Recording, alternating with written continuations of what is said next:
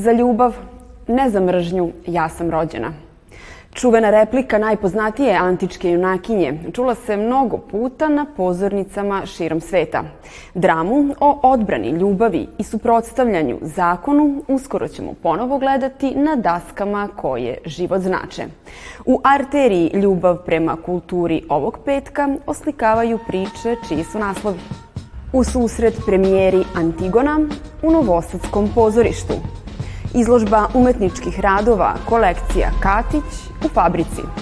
Nagrada Špiro Matijević uručena Gojku Đogu u Matici Srpskoj.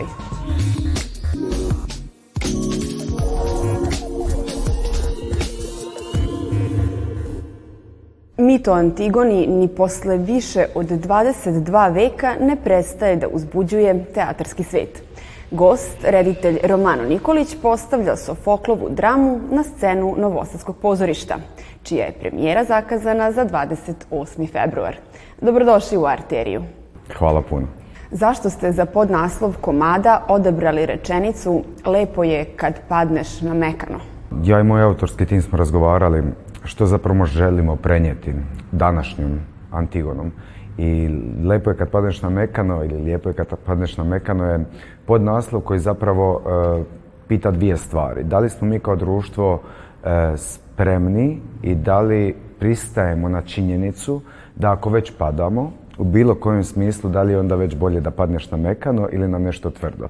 Tako da taj podnaslov je zapravo, e, ima dozu cinizma u sebi. Kako izgleda antička tragedija iz vaše rediteljske vizure? Na koje ključne motive ste stavili akcenat? Da li na pitanje lične odgovornosti ili spremnosti da se podnese žrtva zbog žudnje za pravdom i pravičnošću? Naravno, sami odgovaramo na pitanje, mislim, kao svi smo odgovorni za, za neke stvari. Svi smo odgovorni da propitujemo i pitamo određene stvari. E, na nama je da odlučimo da li ćemo živjeti u svijetu koji je pun mržnje ili u svijetu koji je pun nježnosti. Možemo izabrati to ili možemo izabrati da nas da pristanemo biti sudionici nekog života koji s nas dere, dere kožu s naš, naših kosti i ostavlja nas u nekoj bezvremenskoj samoći. E, pitanje Antigone danas, suvremene Antigone, e, aktualno, ako ne još aktualnije nego prije, e, tko su ti svi oni kreonti i tko su ti svi vladari e, gdje mi zapravo se sami moramo boriti za neku pravedno, pravednošću i gdje zapravo pokušavamo sve one majke čiji su sinovi e, nestali u, u, u ratovima, u svim ratovima, e, da li se mi umjesto njih, već kad svi ti vladari neće, da li se mi moramo pitati gdje su ti ljudi? Jer svaka majka nestane sa svojim sinom, svaka sestra nestane sa svojim bratom, svaki otac nestane sa svojom kćeri i, i, ili sinom. Tako da, gdje su svi ti ljudi, i, a još ih je jako puno onih koji još uvijek čekaju da netko dođe na, na kafu, govorimo u figurativnom smislu, ima jako puno onih koji još ne mogu položiti nigdje svoj cvijet. E, neki, nažalost, preminu čekajući. Jeste li dešavanja o i oko tragične heroine iz helenskog doba osavremenili? Ima li danas među nama Antigona koje žude za pravdom i u stanju su da se suprotstave postavljenim granicama i strogo utvrđenim normama? Mislim, svaka majka je danas e, heroina i svaka majka je danas, danas Antigona. Svi mi smo danas Antigona ako se pitamo to pitanje koje sam malo prije spomenuo. E, mi u predstavu imamo dvije, dvije narativne linije. linije. Jednu Antigone kao takve, Antigone koja se bori za pravednošću i ukop svoga brata, bez obzira što mi nismo postavili brata kao nekoga ko je bio heroj. Taj brat je također počinio zločine, ali on je i dalje njen brat. S druge strane imamo narativnu liniju majke koja još uvijek čeka da ukopa svog sina.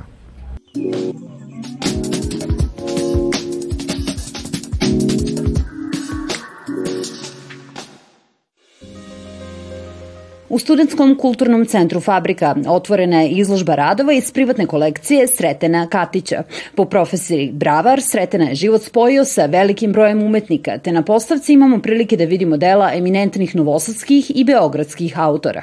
Ticem okolnosti puno je pomagao umetnicima, uključujući i mene. I onda smo tako kako je pomagao, baš bukvalno kažem pomagao, radio, izlazio susret, razumeo to što radimo, nalazio najbolje rešenja I, ovaj, I onda su umetnici se iz zahvalnosti nekako revanširali uh, Srećko tako što su mu davali, poklanjali umetničke radove. Skoro pune dve decenije Katić gradi svoju zbirku. Na postavci su izložene skulpture, fotografije, crteži, slike, grafike, instalacije, a to je samo mali deo umetnina koji čine ovu privatnu kolekciju. Izložba nije s ciljem samo da predstavi radove koji su stvarno značajnih umetnika, to ćete vidjeti i beogradskih i novosadskih i nekih možda i manje značajnih, ali ima baš puno, jako, jako kvalitetnih umetnika, i, o, ovaj, nego i da predstavi samoga uh, Srećka. Ne samo što izložba predstavlja zanimljiv presek savremenog stvaralaštva, ona je ujedno i ogledalo Katićevog umetničkog ukusa i odraz ljubavi između njega i njegovih prijatelja. Stručno vođenje kroz izložbu zakazano je za 27. februar, dok će na zatvaranju izložbe 1. marta biti predstavljen i katalog radova.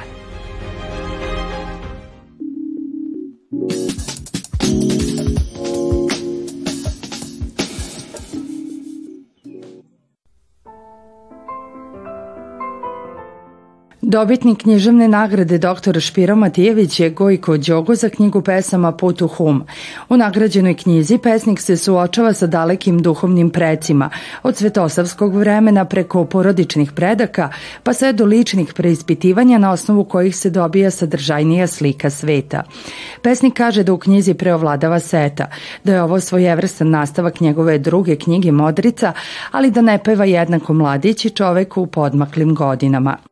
Neću reći da tu ima previše nekog sentimentalnog, bolećivog raspoloženja, ali ima sa nekog posmatranja, sa distance, ne samo uskog zavičaja, nego i, i tog prostora, podneblja, nego jednog vremena koje je minulo za uvek. Visoka potvrda njegove poetike, poetike Gojko Đoga, koju bismo mogli označiti kao recimo, a to je kritika već i ranije učinila, ironični mitopeizam. A na toj osnovi se e, sada razvija jedan sloj njegovog pesništva koji je u znaku pune duhovne zrelosti koje uključuje i odnos prema dubokim, da kažem, duhovnim precima, recimo Laureat je rekao da fondacija dr. Špiro Matijević ustanovljenjem nagrade na pravi način neguje sećanje na tragično nastradalog profesora i književnog stvaraoca. Pre 15 godina izašla su izabrana dela Špire Matijević u tri toma. Priredili smo ih Ivane Grišorac, Sava Damjanov i ja. Ja sam tada rekao da zapravo tada počinje novi život profesora doktora Špire Matijevića, uglednog intelektualca, pesnika, pripovedača, romanopisa, prevodioca, koji je izgubio život tragično u kovitlaju građanskog rata u bivšoj Jugoslaviji 93. godine. Ove godine fondacija je pored nagrade pripremila i trodnevni program posvećen Špiri Matijeviću. Tako će se u subotu u Matici Srpskoj održati naučni skup posvećen njegovom delu. U nedelju će u galeriji Matice Srpske biti prikazan film o Savi Šumanoviću, a u Srpskom narodnom pozorištu je svečana akademija u znak sećanja na tog knježevnika.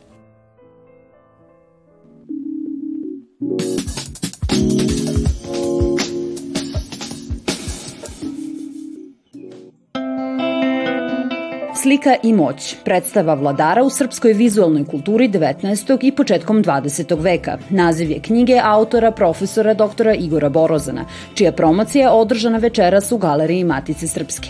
U pitanju je obimna doktorska disertacija koja je pretvorena u dvotomno delo u kojoj izdanju Matice Srpske i galerije Matice Srpske kada je u pitanju istorija umetnosti, nije do sada bila ni jedna sintetizovana monografija koja govori ili ukazuje na moć vizualne manifestacije vladara prilikom reprezentacije ili u propagandne svrhe, a ona se nalazi u suštini zapravo a, same državničke vlasti svih srpskih vladara iz dinastije Obrerović i Karadžorđević. U fokusu obimnih istraživanja i sakupljanja brojnih informacija, od kojih su mnogi do sada bile nepoznate, našli su se vladari srpske države i kao propitivanje njihovog uticaja putem medijskog predstavljanja u javnosti. Zaista obilje likovne kulture, materijalnih ostataka, vizuelnih predložaka koji su neprekidno tokom gotovo desetogodišnjeg rada izlazili na videlo. I dalje izlaze i zapravo iznenađenjama nema kraja.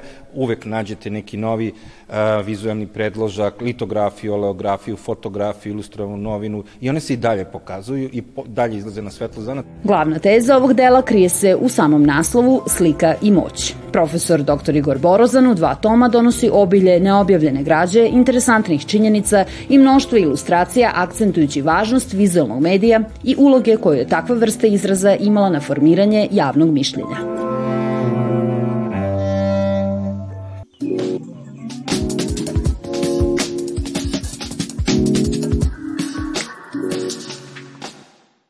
Poslednje minute posvetili smo čistoj klasici.